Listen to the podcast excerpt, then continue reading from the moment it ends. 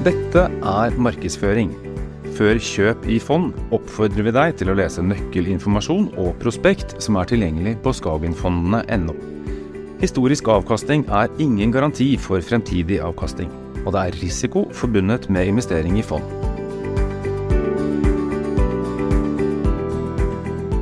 Hei og hjertelig velkommen til denne markedsoppdateringen med Skagen Kon-Tiki. Vekstmarkedene de har hatt et uh, forrykende start på dette året. Og det store spørsmålet nå er om dette kan vare. Og det skal porteføljeforvalter Fredrik Bjelland fortelle oss. Vær så god. Tusen takk, Ole Kristian, og uh, hjertelig velkommen til alle til nok en markedsoppdatering med, med Skagen Kon-Tiki. Før vi hopper inn i materialet, så tenkte jeg bare hvis det er noen nye lyttere eller seere at vi tar bare en liten uh, recap på, på, hva Skagen Kon-Tiki er. Så Skagen Kon-Tiki er et uh, globalt uh, vekstmarkedsfond. det betyr at vi kan investere fritt jevnt over hele verden, men, men, vi har et veldig sterkt fokus på fremvoksende økonomier. Og så dere ser på oversikten over hvor porteføljen er plassert per inngangen av året, så er det en stor tilt mot Asia, Eh, Sør-Amerika og, eh, og, delvis til, til, Afrika. Så det er nedslagsfeltet vårt. Større fremvoksende økonomier som Kina, India, eh, Brasil etc. Fondet forvaltes av meg sjøl og to medforvaltere, Katrine Geter og Espen Klette. Sjøl så starta jeg i Skagen for litt over fem år siden, og har vært ansvarlig forvalter de, de siste tre årene. Eh, Katrine har eh, lang fartstid i, Skagen og, begynte å forvalte fondet i eh, 2009, så har vært med på en veldig lang og god reise der. Mens Espen begynte hos oss for eh, fire år siden, først som analytiker, men i fjor sommer så tok han steget opp og ble eh, medforvalter eh, på fondet. Så, så, det som er viktig her, det er at vi tre har nå jobbet sammen i, i fire år med et stabilt og, og godt team og det er jo en av de viktige ingrediensene vi mener trengs for å kunne levere god og, og langsiktig avkastning. Og som vi også kommer til å gå gjennom senere, så, så ser vi også at resultatene begynner å bedre seg på, på mellomlang sikt. Eh, det som kjennetegner fondet, og det som jeg mener er viktig å presisere for andelseiere og, og mulige andelseiere, det er at dette er et veldig aktivt forvalta fond. Det er et annerledes fond Eh, dere ser her at eh, nesten 90% av porteføljen er såkalt eh, aktiv andel, som betyr at det er annerledes enn indeks. Og, og, helt ute på høyre side så vil dere òg se at fondet har en høyere eh, del av investeringene i såkalte små og mellomstore eh, selskaper. Så igjen er et av de nedslagsfeltene hvor vi mener det er større mulighet for oss å finne feilpriser og kanskje mindre oppdaga aksjer. Og så er det jo dette med investeringsfilosofien og den klare verdiforankringen eh, som vi har i, i fondet. Der ser man jo at eh, på nøkkeltall som prisinntjening og, og pris til bokførte verdier, så handles eh, porteføljen på, på veldig attraktive absoluttnivåer, men òg til nesten 50% rabatt til det jevne markedet ved, ved starten av 2023. Så Det mener jo vi er en, en viktig ingrediens av, av uh, fremtidig avkastning, er jo inngangsprisen man, man, betaler.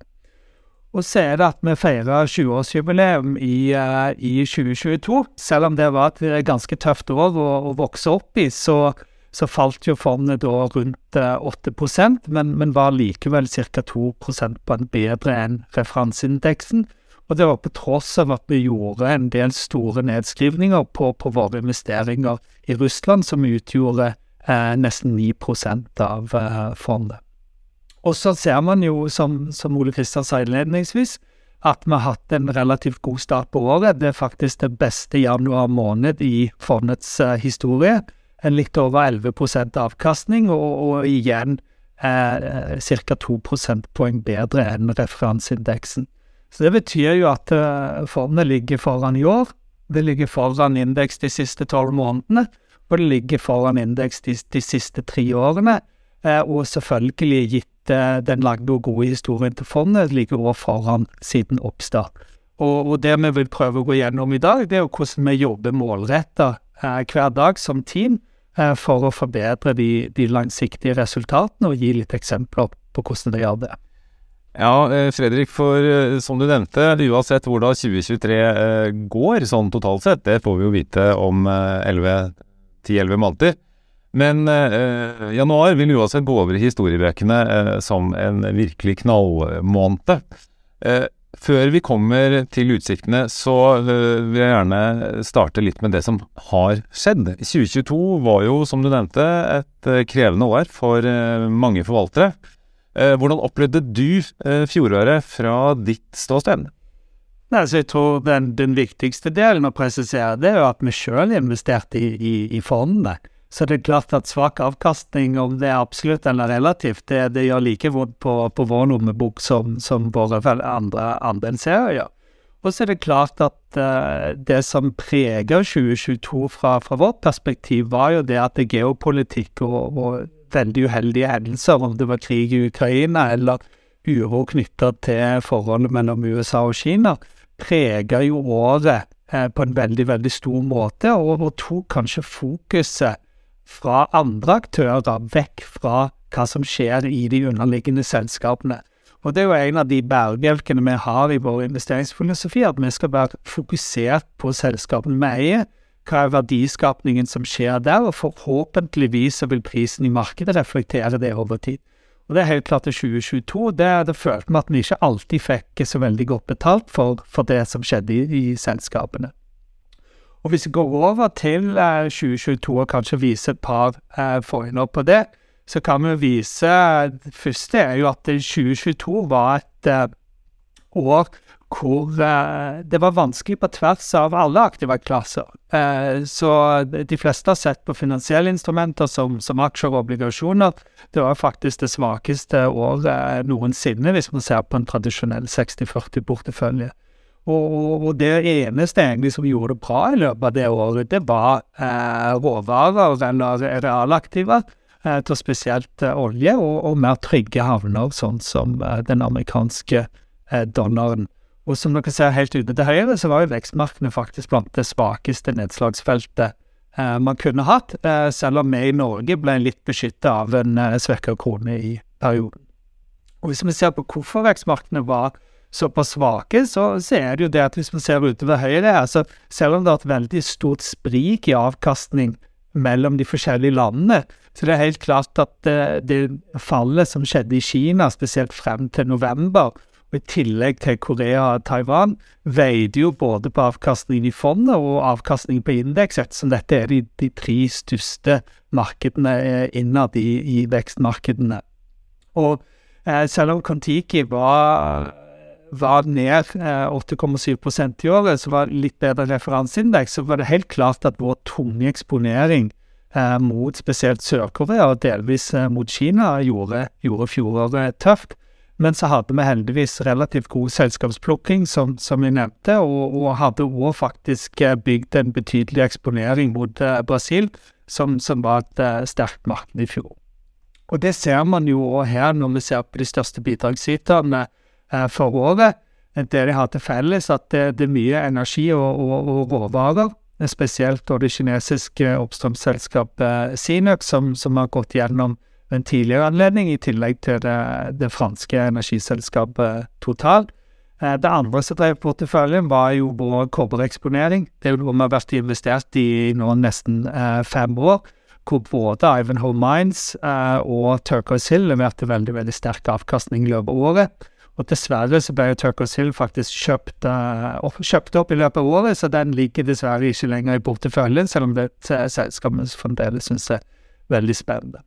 På den negative siden så er det det det har til felles, som vinner på, det vår russiske eksponering, så Sperbank, Magnit og, og X5. I tillegg til, selv om de ikke gjorde det dårligere enn markedet generelt, så både LG Electronics og, og Samsung Electronics, som er to av våre største investeringer i i eh, Korea trakk negativt ned på porteføljen. Og så bare, jeg tror det er viktig å bare gå inn på selve eh, Russland. For jeg tror eh, det er noe vi har fått eh, veldig mye spørsmål om. Så, så, Russland var jo Så hvis vi ser på porteføljeeffekten av, av Russland, så, så, ser man jo at uh, ved inngangen av året så hadde vi litt over 9% av fondet investert uh, i Russland. Og, og, det står faktisk for hele den negative avkastningen i løpet av året. Uh, og mot indeks så, så, hadde det en effekt på, på ca. 3,5% så, så det er klart at det var en veldig stor motvind for fondet i, i løpet av året. Men det betyr jo at en del av de andre tingene som, eh, som vi hadde i porteføljen, gjorde det vesentlig bedre enn en indeks. Og, og, og, det som, Her ser man uh, den relative avkastningen uh, per land.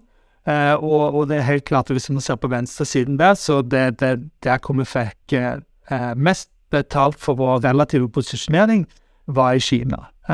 mens Russland var jo det, det klart svakeste.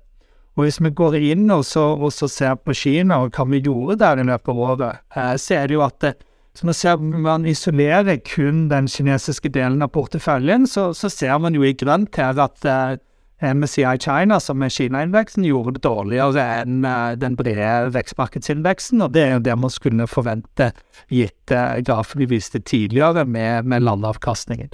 Men så hvis man ser på Contikis avkastning i Kina isolert sett, så var den faktisk eh, sterkt positiv. Så, så, selv om markedet var, var svakt, så hadde vi faktisk en positiv avkastning på Kina-delen av porteføljen på, på rundt eh, 13% Og det var jo pga. god eh, selskapsutvelgelse. Eh, vi ser at vi hadde veldig høy positiv avkastning, først fra Sinux, som vi nevnte, men også fra China Mobile og, og China Life. Og det som er interessant med Sinøk og China Mobile, er at det er selskaper som ble kjøpt eh, ved en tidligere anledning, eh, når eh, faktisk amerikanske investorer ikke lenger kunne være investert i de selskapene. Og er det én ting som, som, ofte skjer i markedet, det er at når du har noen som er nødt til å selge, uavhengig av pris, så er det mulig til å kjøpe til god rabatt, og, og, og det er Sinøk og China Mobile gode eksempler på. Og så er det også, hvis man ser på Alibaba, som var en aksje som vi tok opp i, i 2021, når, eh, når Kina var svakt år.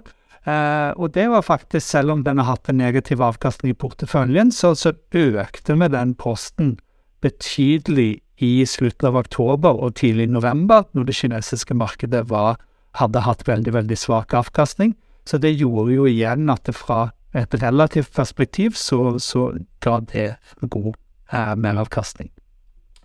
Og så hvis vi går inn på, på porteføljen sånn som den eh, står i dag, så, så, tror jeg liksom igjen eh, vi har et veldig fokus på at porteføljen skal være eh, rabattert eller, eller, billig, men det betyr ikke at vi firer på kvalitetskravene eller på, på vekstutsiktene.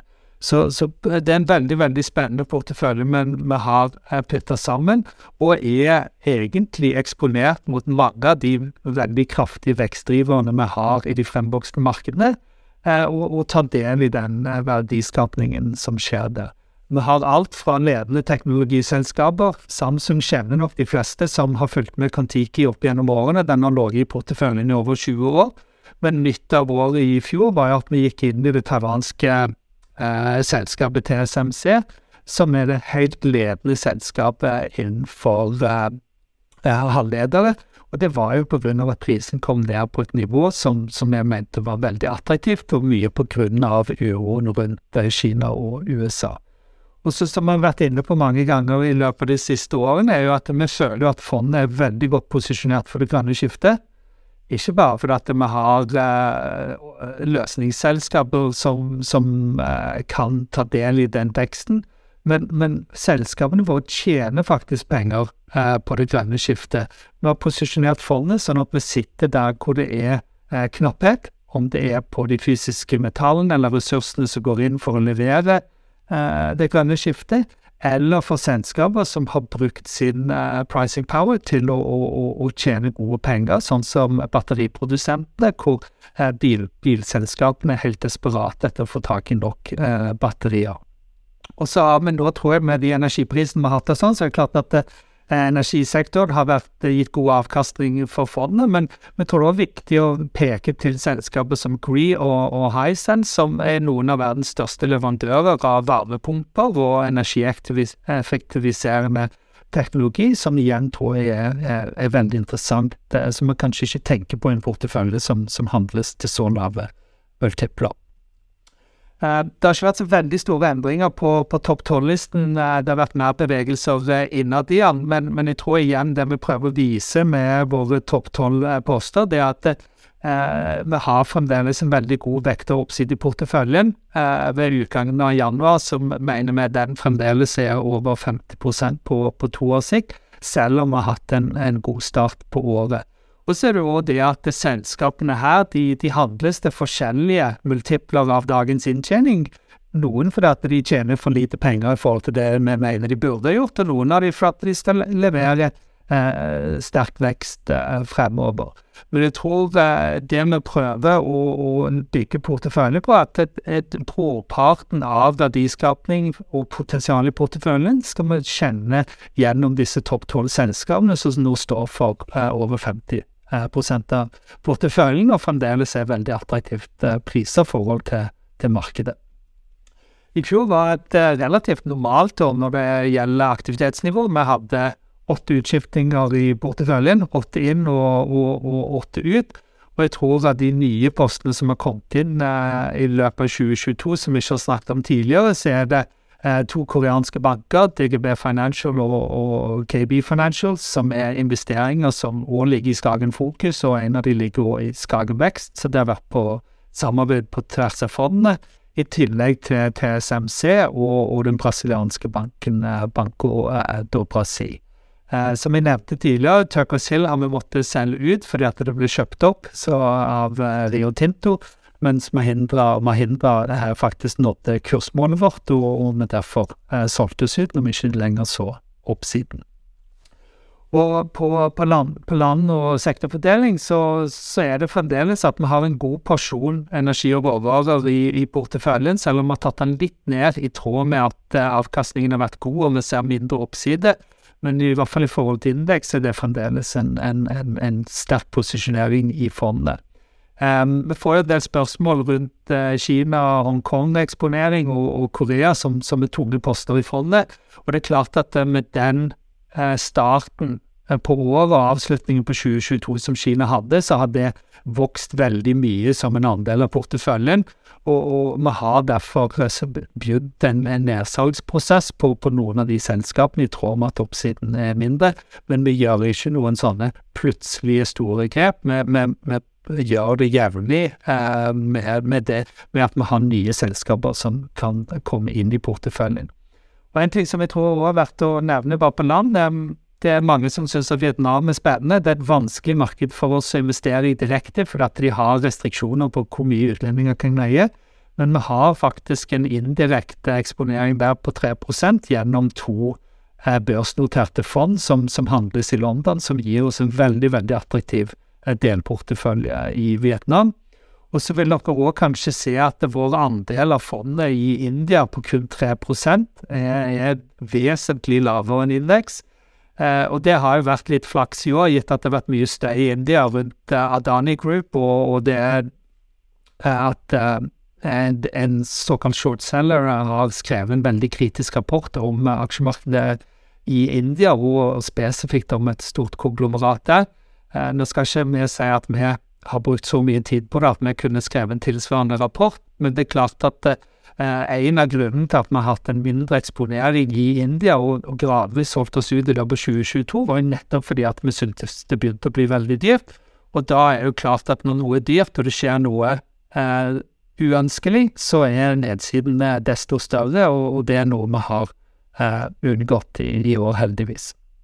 Og så eh, er det bare Vi har fått noen spørsmål tidligere hva vi tror om valuta eller økonomiske utsikter og, og, den type ting. og, og det er klart at Når vi bygger en portefølje, så prøver vi å treffe på tvers av scenarioer. Vi, vi, ønsker ikke oss å legge alt på svart eller alt på hvit, avhengig av et, et binært syn. Så, så, det er viktig å vise porteføljen avhengig av vekstscenarioer eh, som går på Y-aksen, og på inflasjonsscenarioer så har vi mappa porteføljen på de sektorene og den type selskaper som vanligvis gjør det bra i den type scenarioer.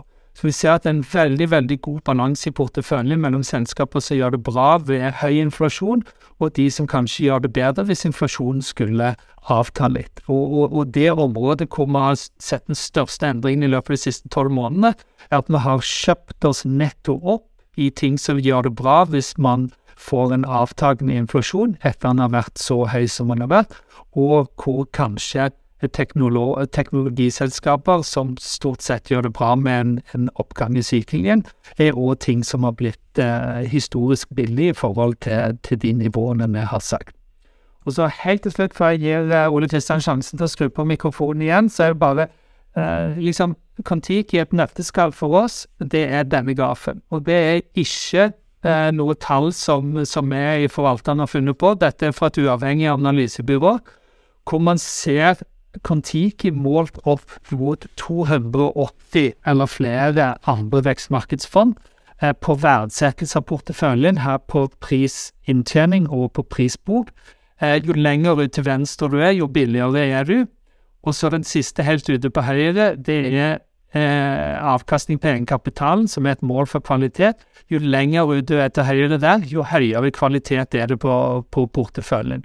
Og det som jeg mener er interessant med porteføljen som jeg har putta sammen, det er at den kombinerer en ekstremt lav pris, det er det billigste fondet i eh, databasen deres på, på prisbok, men uten å fire på kvalitetskravene, faktisk et av de høyeste egenkapitalavkastningsporteføljene porteføljene i deres database. Og når du får noe til tilsvarende god kvalitet til lavere pris, så, så mener vi det er et uh, fornuftig utgangspunkt uh, fremover. Det er jo ikke vanligvis sånn fryktelig høy champagneføring på forvalterne i Skagen. Det kan man kanskje få inntrykk av fra ulike TV-serier. Men innimellom så forlater dere skjermene og drar ut i den virkelige verden. Og for ikke så lenge siden så var dere i eh, Brasil for å besøke flere av porteføljeselskapene som, eh, som vi så på grafen din, at eh, i Brasil så er vi godt uh, dekket, for å si det sånn. Uh, hvordan gikk uh, turen? Ja, så I all hovedsak så gikk jo turen bra, for vi, vi kom oss hjem igjen. Det, det, det, det er langt vekke. og, og og et utfordrende land på, på mange områder. Men jeg, men jeg, tror liksom, hvis vi skulle tatt hovedpoengene fra turen, så er det jo at vi dro jo der ned for å bli enda bedre kjent med porteføljeselskapene våre. Uh, vi tror derfor å få bedre innblikk i uh, størrelsen på landet og de mulighetene som kommer av det, og, og, og, hvilke deler av økonomien eller hva naturressurser de har som, som, som ligger best rusta. Og så tror jeg det som er ganske unikt, i hvert fall i en nordisk målestokk, er jo at eh, både Katrin og jeg dro ned, eh, og vi hadde med oss Sondre Myge, som er ansvarlig for bærekraft i, i Skagen. For det, er jo for å virkelig vise eh, at vi er en integrert del, måten vi jobber med aktivt eierskap på. Det er en viktig del av, av måten vi både finner selskaper, følger selskaper, og, og, og, og kanskje òg, eh, hvis noe galt skulle skje, kanskje må, må oss ut.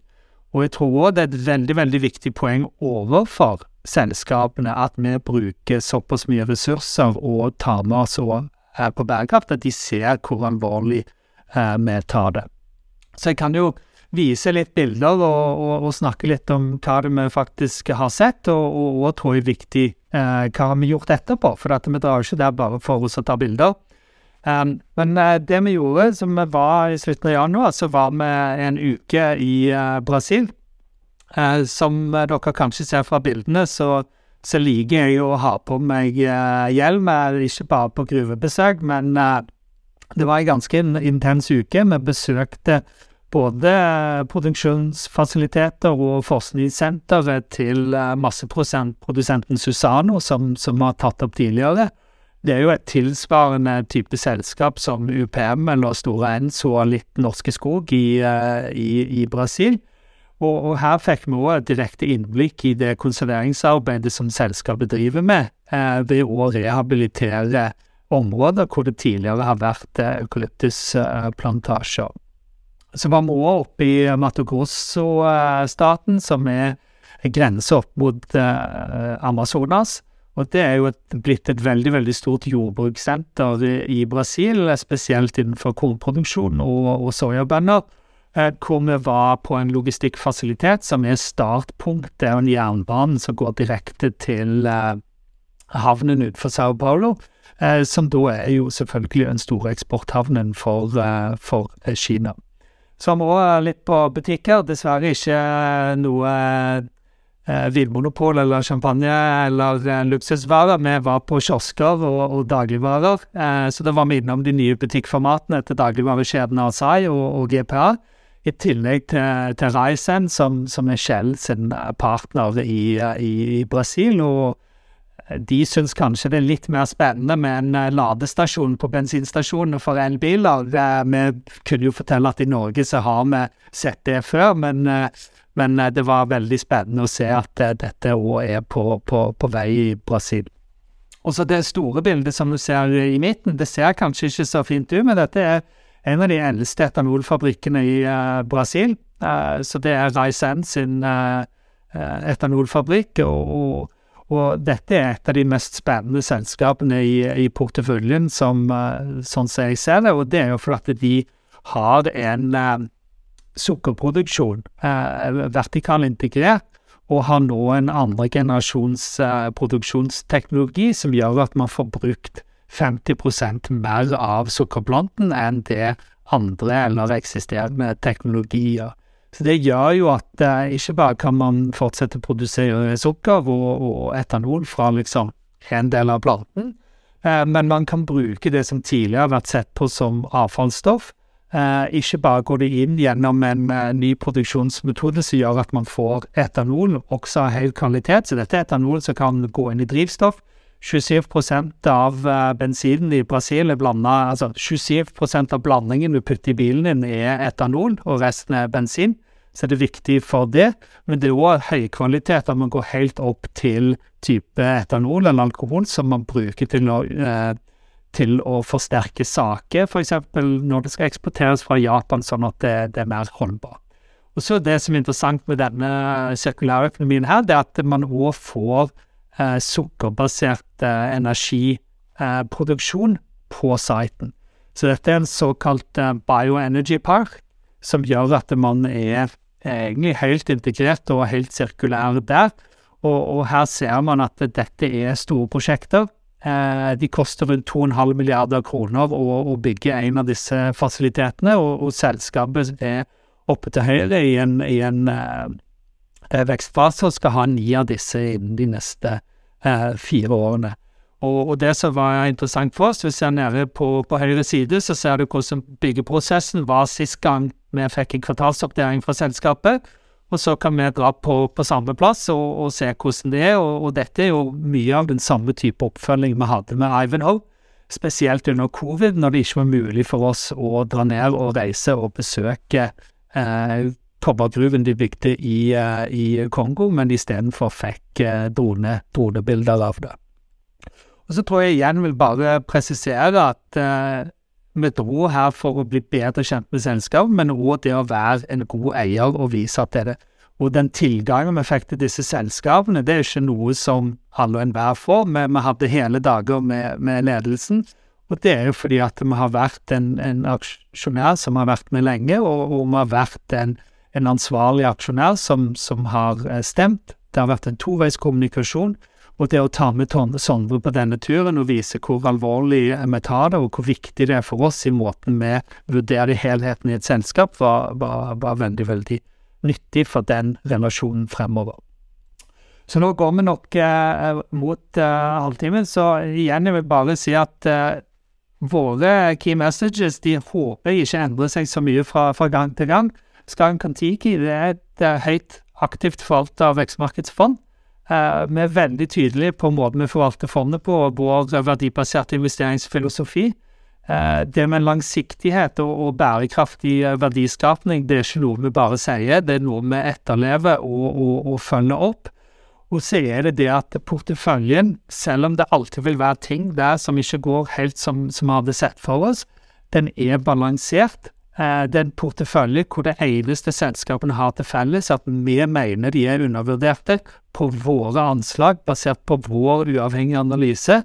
Eh, og det at eh, hvis ting skjer, eller vi har ting som vi mener bør være fokusert på, så, så tar vi den dialogen med, med selskapene, enten gjennom stemmegivning, eh, som vi alltid prøver å gjøre, eller med direkte dialog med selskapene, og, og, og er der sånn at det, vi som forvaltere vet hva vi har investert i, at dere som andelseiere kan være trygge på at vi er investert i ting som, som vi har relativt god kontroll på. Og selv om det har vært en god start på året, så, så mener vi fremdeles at vekstmarkedene er interessante. Jeg tror det har en plass i en diversifisert portefølje. Og, og, det er jo fremdeles en, en ganske vesentlig rabatt som gjennomsnittsselskapet i vekstmarkedene handles til i forhold til andre land, men det får vi ta en annen gang. Takk skal du ha, Fredrik. Nå skal vi ta en del av spørsmålene som har kommet inn, og vi starter med Russland. Det er flere som lurer på om det er sånn at Eh, de selskapene som dere eide da Russland gikk inn eh, og invaderte Ukraina, og de ble da skrevet til null. Er det sånn at disse aksjene er tapt for all tid, eller kan nå gjenvinnes? Og mm, hvordan jobber dere eventuelt for å eh, få ut de verdiene som ligger i disse selskapene? Det er et uh, veldig sammensatt spørsmål og, og egentlig mye å, å, gå gjennom. Men for å ta det enkleste først, så er det det at vi har fremdeles eierskap til disse aksjene. Så selv om fire av de fem russiske beholdningene vi har per i dag er skrevet til null i, i uh, fondskursen, uh, så eier vi fremdeles de aksjene. Det er en kombinasjon av sanksjoner som gjør at vi ikke er i stand til å selge de, og, og, både Skagen og, og Storebrand har jo sagt at på sikt så, så, skal disse postene selges, men det må gjøres eh, på en god måte som, som hensyntar eh, andelseiernes beste interesse. Og det er jo det vi eventuelt kommer til å jobbe mot. Men akkurat i dag så er ikke den type eh, handel eh, mulig. Nå er det ett selskap der X5 hvor vi faktisk har eh, observerte priser i markedet. Det handles faktisk en del aksjer i den. Eh, og det skjer eh, i, i, London, ikke på børsen, men på, gjennom en annen kanal.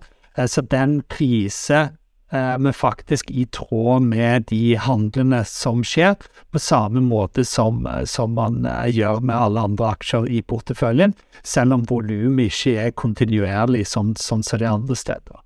Um, så det, det vil svinge litt, uh, men, uh, men, vi har fremdeles eierskapet til, til de aksjene. Vi vet jo at dollarkursen, altså amerikanske dollar, hvordan den utvikler seg, har en del å si for hvordan vekstmarkedene vil gjøre det. Hvordan Hvilke forventninger har dere til dollarkursen fremover, og hvordan vil det da påvirke vekstmarkedene? Altså, På denne type ting så prøver jeg også å skille mellom ting jeg kan ha et syn på, som jeg faktisk kan ha et riktig syn på, altså hvor det går an å forecaste. Uh, jeg kan observere historisk korrelasjon med dollaren, og, og, den er negativ. Så historisk sett så har en sterk dollar vært uh, dårlig for relativ avkastningen til vekstmarkedene i forhold til modne markeder, hovedsakelig USA. Og det er klart at uh, hvis dollaren skulle svinge veldig mye fremover, så ser det ikke unaturlig å tro at det, det forholdet ville, ville fortsette. Men så er det hvordan jobber med det fra et porteføljehensyn, og det tror jeg er litt viktig. Det er jo at vi prøver jo ikke ta den type posisjonering eller veddemål, eller hva man vil kalle det, hvor vi ikke er i stand til å ha et informert syn på det.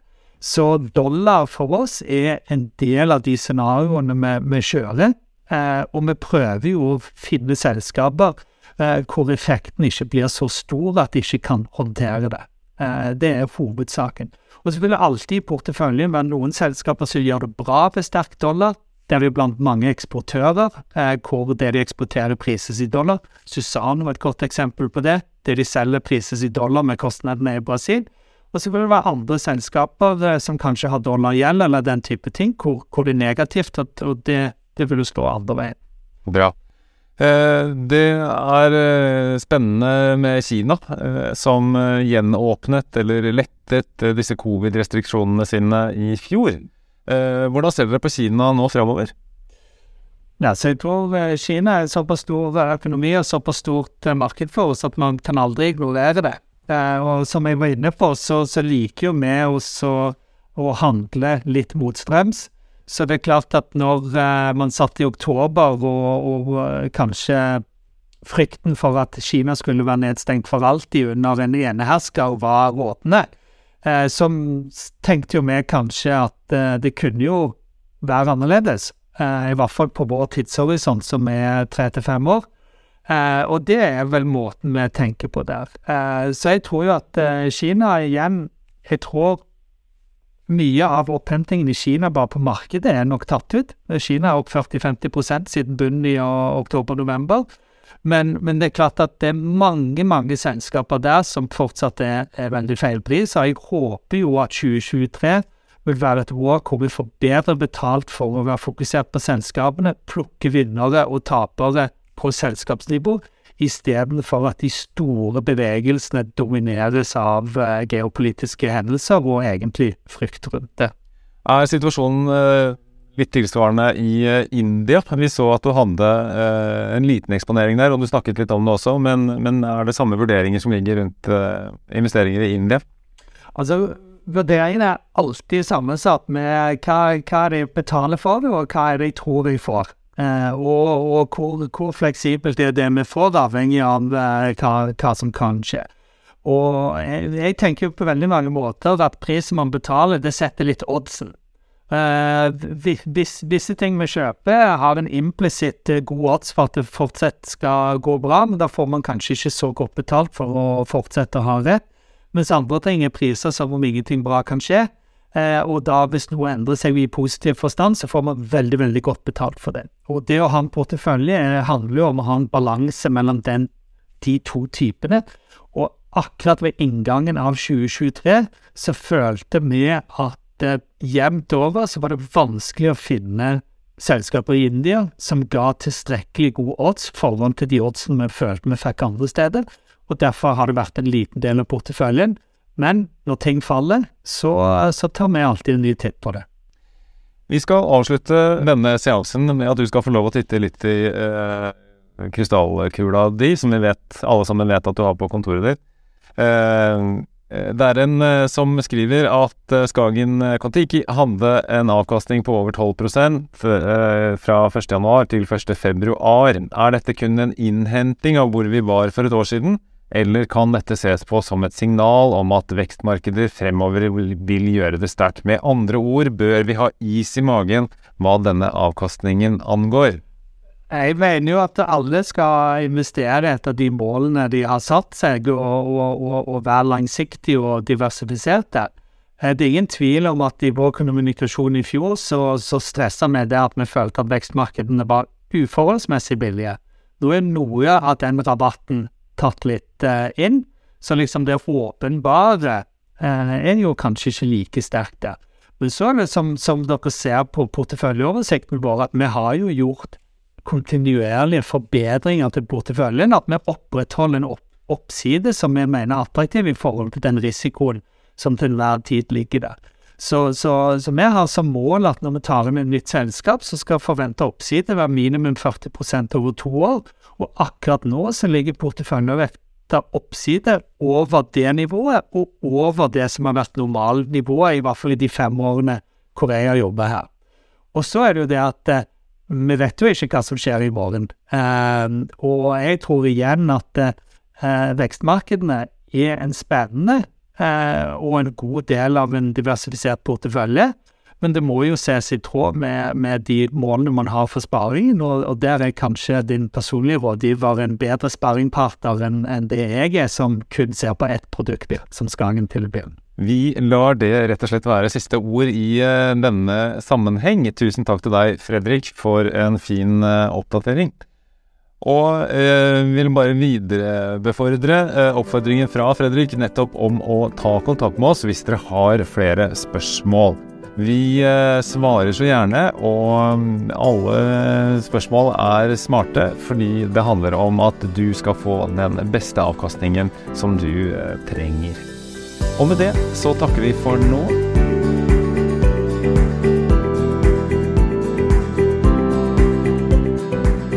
Kjøp gjøres i fondsandeler og ikke i aksjer eller andre verdipapirer. Du finner informasjon om kostnader, investorrettigheter og hvordan Skagen jobber med bærekraft på vår hjemmeside.